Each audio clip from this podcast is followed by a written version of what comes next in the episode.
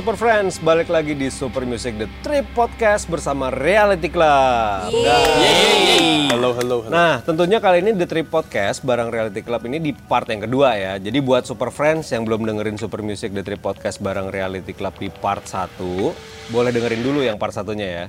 Oke, kita lanjut ya guys ya. Oke. Ini masih di tahun yang sama setelah tur ke Jepang. Kalian kan mengeluarkan album What Do You Really Know yang agak berbeda nih dengan album yang pertama nih. Emangnya apa sih yang terjadi selama 2 tahun itu mempengaruhi album baru kalian?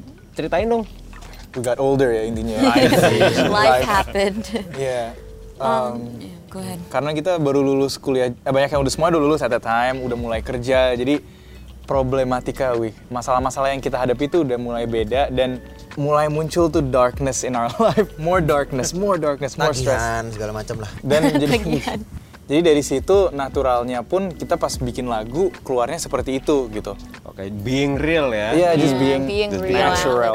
Oke, berarti di album What Do You Really Know itu Reality Club mencoba berbagi perspektif aspek-aspek kehidupan sama audiens ya. Nah, kalau boleh tahu ini pasti ada nih berdasarkan cerita atau pengalaman siapa nih? Untuk untuk album ini lebih banyak Faiz yang nulis. That's me. Um, ada era juga, ada lagu Iqbal juga. Ya ada sih, I think it's basically on his life sebenarnya. Tapi selain Loosely. selain cerita hidupnya si Faiz dan Si Faiz. Iqbal dan Era juga kayak ada yang beneran kayak cerita hipotetis gitu loh. Iya, Oke. iya. Cerita cer- bukan ngarang, ya ngarang sih. Maksudnya kayak gimana kalau Berandai-andai ah berandai-andai gitu Oke. lah. Nah, berarti bisa dibilang kalau What Do You Really Know itu antitesis dari album pertama ya, yang bisa dibilang lebih senang-senang, lebih positif. Nah, kemudian di album kedua itu kan lebih gelap, ada marah, ada frustasi. Itu menurut kalian gimana tuh? I wouldn't say it's an antithesis. I would Okay. say it's a continuation. Oke. Kayak yang tadi kayak apa? uh, itu tuh kayak snapshot of our life at that time. Uh, I Never Get Better gitu album pertama. Terus album kedua itu snapshot keadaan hidup setelah itu gitu. Iya. Jadi Bahkan di Kelanjutan. albumnya ada di Never Get Better itu ada yang judulnya Epilog, Epilog. terus lanjut ke prolog. Terus lanjut ke prolog gitu. Jadi kayak Dan- sebenarnya kalau dengerin itu sebenarnya nggak ada vokal tuh, itu benar-benar instrumental doang. Tapi kalau if you listen closely ada kayak orang naik bus gitu. Hmm, Di awalnya naik, protagonis ini. si pertamanya naik bus terus nyampe ke suatu tujuan. Nah tujuannya itu yang pas what you really know. Iya. Oke. Jadi it's not really an antithesis, soalnya juga ada tema-tema yang positif juga ada juga di album kedua sebenarnya. Iya. Album kedua ini bisa diartikan What Do You Really Know About Life dan What Do You Really Know About Reality Club, Yes.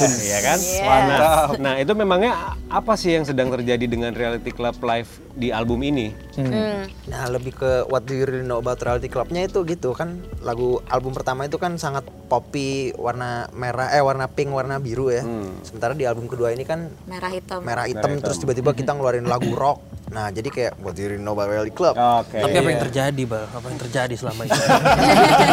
yang terjadi. yang terjadi ya yang terjadi ya hidup gitu loh. Hidup. Mungkin karena sebenarnya dari awal juga we had we wanted to make rock songs gitu, tapi ternyata yang yang muncul pada album pertama tuh yang lebih pop gitu. Oke. Soalnya Secara se- nggak sadar. Soalnya sebenarnya referensinya tuh nggak berubah dari Iya, album sama itu tetap berubah. sama Oh, referensinya. sama. Cuman mungkin pas album pertama kita masih belum bisa mengeluarkan lagu seperti kayak gitu Oke. gitu. Nah kemudian kalau misalnya ngomongin proses kreatif nih pembuatan lagu di album kedua yang tentunya mengarah ke pendewasaan gitu ya. Betul betul. Itu banyak didominasi oleh siapa nih? Atau misalnya ada racikan semua personel tertentu atau misalnya gimana tuh? Sebenarnya kalau untuk proses masih sama kayak yang pertama ya, kayak everyone has a say, semua orang bisa, semua personel bisa nulis lagu. Tapi yang di album kedua itu jauh lebih profesional, di mana kita Lebih teratur akhirnya ada produser. Terus um, kita setiap lagu juga dibikinin mood board, jadi kita udah tahu lagunya tuh warnanya apa, vibe-nya gimana. Jadi semuanya lebih bertematik dan ada ceritanya gitu. Lebih detail jadi Lebih detail. Lebih Dan it also ya? helps the other members untuk Tahu. ngasih input juga karena udah tahu kayak oh pengen kayak gini ya, kayaknya mendingan tambahin ini itu gitu. Itu perannya Tama ada di situ tuh ya. Banget, Benar, ya. Ada di Tama situ. sangat influential. Oke, nah sekarang gue pengen tanya sama Faiz nih. Di lagu Telenovia, itu rasa kecewa seperti apa sih yang pengen lo tunjukin di lagu itu? Iya kan? Iya, Karena iya, ba- iya. basicnya ini kan lagu cinta kan? Betul, Nah, betul. Kayak gimana tuh? Oke. Telenovia itu lagu cinta yang seputar perselingkuhan. Uh. Untungnya, alhamdulillah gue belum pernah diselingkuhin. Jangan, jangan, jangan, jangan sampai. Jangan sampai. Menyelingkuhi, menyelingkuhi udah? belum pernah Oh, juga, belum pernah juga. belum pernah. Cuman itu salah satu fobia gue dan gue menulis lagu itu karena itu kayak something that I'm really scared of. And I don't know, it just came out naturally.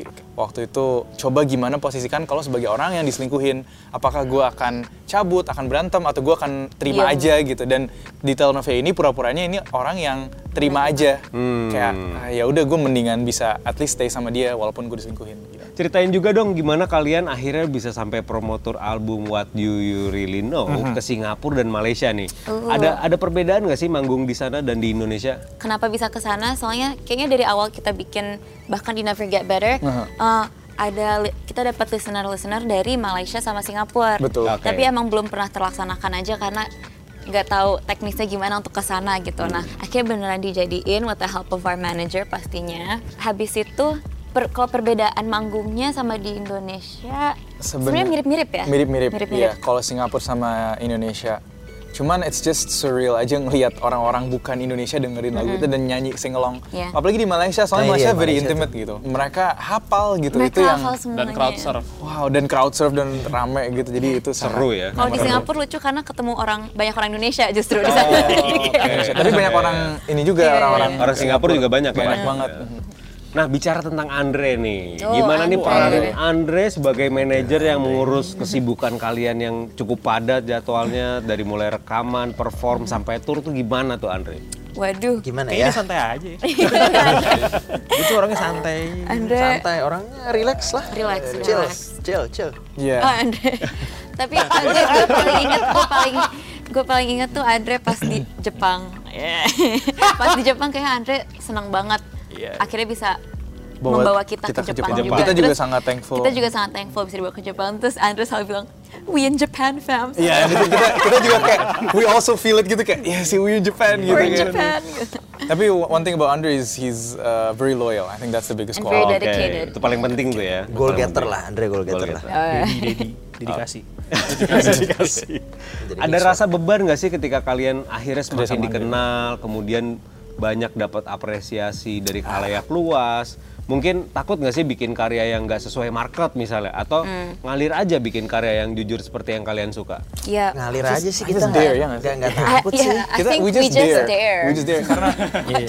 gimana ya apa dari awal juga kita nggak pernah mikirin market sih nggak pernah mikirin uh, apa kata orang soalnya at the end of the day lebih mending nggak ada yang suka tapi kita sendiri suka daripada kebalikannya kita Iya. sendiri nggak suka karyanya tapi Ya, Banyak ada yang sih suka. ketika waktu itu lagu rock yang kita bikin tuh SSR, SSR, judulnya oke. dan itu pertama yang kita pengen nunjukin ke orang-orang gitu. Ke audience kita, ya, audience, audience. audience. Terus Kita kita nervous sih. Kita nervous, lebih ke nervous tapi udah terlanjur dibuat gitu, nggak mungkin kita ya Iya, kan. iya, iya. Jadi kita kayak pas sebelum Gimana midnight ya gitu kita kayak gitu. gimana ya terus udah kan show langsung di di YouTube. YouTube, gitu. Terus langsung kita baca-bacain komen, kita udah takut. Takutnya kayak Apaan ini nih?" apaan gitu. sih? Kenapa apaan jadi kayak sih? gini? Apaan Tapi ternyata gitu, malah gitu. Responnya Positif. bagus. responnya positif banget ada yang bilang mau jongkok dengerinnya Iya, nggak tahu juga ada itu artinya apa tapi kayak we appreciate you guys Iya. sih yang ngomong kayak gitu Setelah kalian tur ke Jepang, Malaysia, dan kemudian Singapura juga, kalian ini berhasil masuk di listnya South by Southwest Music Festival. Nah, itu itu untuk tampil ya, untuk Ya. tampil tanpa bantuan dana dari pihak luar. Itu ceritanya gimana tuh? ya nah itu dia bagian tadi ada Itu bantuan dia. dananya itu yang sangat oke jadi kalau pertamanya kita submit sih kita submit lagu kita terus akhirnya habis nunggu beberapa bulan kita dapat email kalau kita keterima. Dan waktu itu pas kita dapat email itu kita lagi di Karawang. Wah, iya. lagi manggung di Karawang Karawang. panas banget. Kamarnya AC-nya mati lagi. AC-nya mati. Jadi kita semua satu terkumpul di satu ruangan hotel. Iya berlima saya mati. Gila. akhirnya kita dapet email itu dari manajer kita. Terus langsung kita lompat-lompat kayak Makin "Wah!" panas kamarnya. makin panas kamarnya karena kita we were so happy. Iya, iya. and ini beneran gak sih? Eh, rasanya kayak palsu karena dari dulu Rasanya kayak scam we've gitu. always wanted you know Iya, ya kayak scam rasanya is this for real? gitu. Tapi ternyata beneran. And yeah Iya. Dan gitu sih. I have something to say about yang tadi tanpa bantuan itu kayak something that I really love about Reality Club about you guys itu kita semua tuh dari awal tuh udah dedikasi untuk mengadain uang kas gitu. Dan kita nggak apa-apa nge-cut pay cut sendiri-sendiri buat uang kas yang healthy. Oke. dan mungkin buat people who want to start a band I think that's a good tip. Tapi karena pandemi ini ada nih sekarang di tahun Iya. 2020 Bongkas abis. dengan sayang, sangat disayangkan akhirnya cancel kan ya. Iya. Ya, Tapi di-cancel. untuk 2021 nih kalian udah berangkat udah bisa berangkat ke sana belum sih atau Uh. atau gimana tuh ada tahu, ada. Ah, ada ada persiapannya nggak tuh persiapannya seperti apa karena mungkin kalian berangkat nggak bisa full crew seperti uh, biasanya tour gitu apalagi ini ke Amerika gitu itu kayak Ya. gimana tuh Kita born ready sih, Wih. Iya. kita udah ready sih. Mantap. Iya, Tinggal iya. nunggu diundang aja. tinggal Sebenarnya nunggu iya. diundang sebenarnya Lihat kondisi kalau- ini juga ya, iya, bisa atau enggaknya, acaranya ada atau enggak gitu.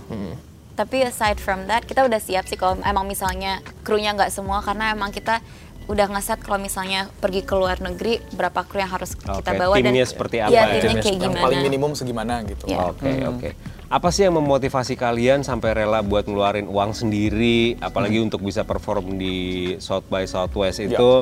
Terus hari- harapan kalian buat reality club sehabis manggung di sana tuh gimana? Harapan tadinya tuh harapannya build connections pastinya. Obviously. Obviously. Hmm, karena di sana jalan-jalan sama jalan-jalan. Bull riding karena di Texas nggak ada. Karena di sana kayak kita lebih ngelihat dari sisi kayak gimana kita bisa build connections, gimana bisa ketemu sama produser luar, atau Sama mungkin label EO, luar, atau EO. mungkin agent luar gitu. Promotor di gitu. sana ya. Promotor di sana, Promotor. betul. Ketemu orang-orang Netflix, ketemu Iya orang-orang ada Iya, ada iya, ada ada banyak Oh, iya, orang-orang dari berbeda in- ini juga Industri, industri. ya. Makanya kita rela soalnya rasanya kayak itu investment buat masa Iya. depan reality club Iya. juga gitu loh. Itu yang memotivasi Itu ya. yang memotivasi. Oke. Nah, sekarang kita coba ngobrolin EP kalian di tahun 2020 nih. Rush to the other Vices. Rush and Other Vices. Nah, dengan tiga judul lagu yang berjudul The Rush, Ultimate Rush, kemudian The Rush Remix. Ada apa sih sebenarnya dengan Rush nih? Apa kalian lagi buru-buru, lagi pas EP? Ini apa ceritanya? Ini harus dijelaskan nih. Kita lagi buru-buru Jadi banget. eh, awalnya itu kan The Rush itu udah ada lagu originalnya di album What Do You Really Know. Oke. Cuma dari awal tuh gue mikir nih kayaknya enak nih beatnya kalau dia jadiin hip hop. Nah muncullah ide bikin The Rush yang remix itu. Kita ngajakin rapper Bass Boy, terus teman-teman dari MFNI, ya. Sama ada yang versi glam rocknya kan. Iya, iya. Nah, The Ultimate Ultimate Rush. Rush. The Ultimate Rush. Ceritanya itu waktu proses bikin album What Do You Really Know, Faiz tuh kan banyak nyumbang lagu rock dan Oke. Yang notabene dengerinnya metal nggak mau kalah.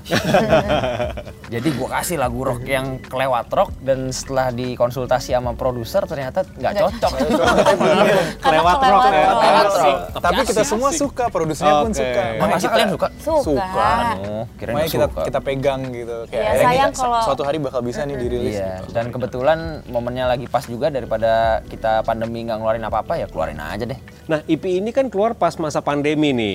Berarti waktu itu lagi nggak bisa banyak keluar rumah. Iya. Tapi kalian juga tetap produktif dong ya. Ya, Nah, pastinya. selain EP album ini tuh apa aja yang udah kalian kerjakan selama tahun 2020 ini?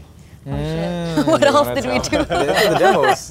Oh ya, oke, oke. Songwriting lah. Songwriting. Kita nih lagi nyetok lagu lumayan Banyak. banyak. banking lagu lah. Gue pengen tanya nih, kalian kan bikin karya yang bisa dibilang totally pakai bahasa Inggris nih. Iya. Ada kemungkinan nggak sih kalau misalnya reality club itu bikin lagu pakai bahasa Indonesia misalnya atau akan kedengeran aneh nggak sih? Sebenarnya kalau kemungkinan, sih selalu ada ya. selalu Selalu ada. ada. Kalau Bahasa ditanya, Spanyol juga ada, Itali kemungkinan mah ada aja. ditanya mau nggak? Ya mau. Mau. Cuma ya belum kejadian aja. Iya. Belum ya. I think the the big theme of this band is just natural. kayak naturalnya kayak gimana? Naturalnya bikin lagu rock, bikin lagu rap, lagu hip hop. Naturalnya bahasa Inggris Indonesia dan saat ini sih masih Soalnya gue sama Fatih emang lebih seringnya ngobrol bahasa Inggris gitu. Oke. Jadi naturalnya sebagai Tapi kita songwriter ini- selalu minta Nugi untuk nyumbang bahasa Indonesia kok. Kalau gue menunggu Kita, kita tunggu, kita tunggu. Belum di approve. Belum, belum dikasih. Oh, belum dikeluarin aja ya. Gue. Kalau kalian mau bilang terima kasih nih, kira-kira terima kasih ke siapa aja? Wow, there's a lot ya. There's a lot of people who's been involved in. Okay, let's all like collectively thank you to the one and only. Yeah. Right? God, Okay, the big G. Nah, tapi aside from that, I think kita harus berterima kasih banyak Parents. kepada Jeda parents, parents. Habis itu our fans, karena without our fans, obviously we won't be anywhere. Yeah. Mereka yang dengerin dan setia apa beli merch. Kalau misalnya sekarang kan susah untuk nggak bisa manggung, jadi Betul. our source of income dari merch kan. Mm-hmm. Ada aja yang kayak beli merch maupun itu jualan stiker atau Mm-hmm. pop socket buat HP. Dulu So- pas di sisi orang yang dengerin lagu ngelihat artis bilang thank you fans gitu kayak emang nape gitu tapi pas giliran Iya, kita yang ngemusik iya, kayak benar-benar. beneran sih kayak fans tuh kalau nggak ada, Nggak ada yang- ya kita nggak bisa sesukses ini gitu Nah setelah apa yang kalian lakukan dan laluin bareng sama Reality Club sampai saat ini, Apa harapan kalian untuk Reality Club ke depannya? Harapannya semoga kita bisa tetap kompak, semoga kita tetap selalu bisa jujur dalam karya kita. Hmm, dan semoga sustainable karena Yap. benar kayak kalau emang ini pengen jadi job utama ya harus menghasilkan. Harapan gue buat Reality Club ya tetap berkarya terus, Iya. terus. Era kayak aduh sama sih kalau gue mungkin bahasanya kayak apa tetap natural aja gitu ya jangan apa namanya jangan gara-gara kata orang harus gini kata orang harus gitu ya nggak usah kalau ya kita gerak se kitanya gerak aja Harapannya Reality Club tetap terus belajar gitu. Oh iya, bener belajar. Oke. Eh, itu bener tuh, soalnya even kayak di mana pun, like at any point in a career, you're always learning gitu loh. Jadi even kalau gue ngelihat sekarang kayak band-band gitu tuh gue yakin masih ada aja yang mereka Pelajari, learning gitu iya. and di atas langit masih ada langit Itu dia. Oke. sustain sih yang jelas gitu Uh, ber- berkelanjutan aja gitu loh. Dan semoga uh, masih mendapat tempat di hati audiens. Harapannya sih uh, we're able to achieve the dreams we want to achieve aja sih. Dan salah satu dreamnya itu untuk international recognition tentunya biar bisa internationally known gitu loh. Oke. dan besar. jadi CEO South by Southwest kalau lagi denger. Kalau lagi denger pakai subtitle. if you listening ya si ngerti.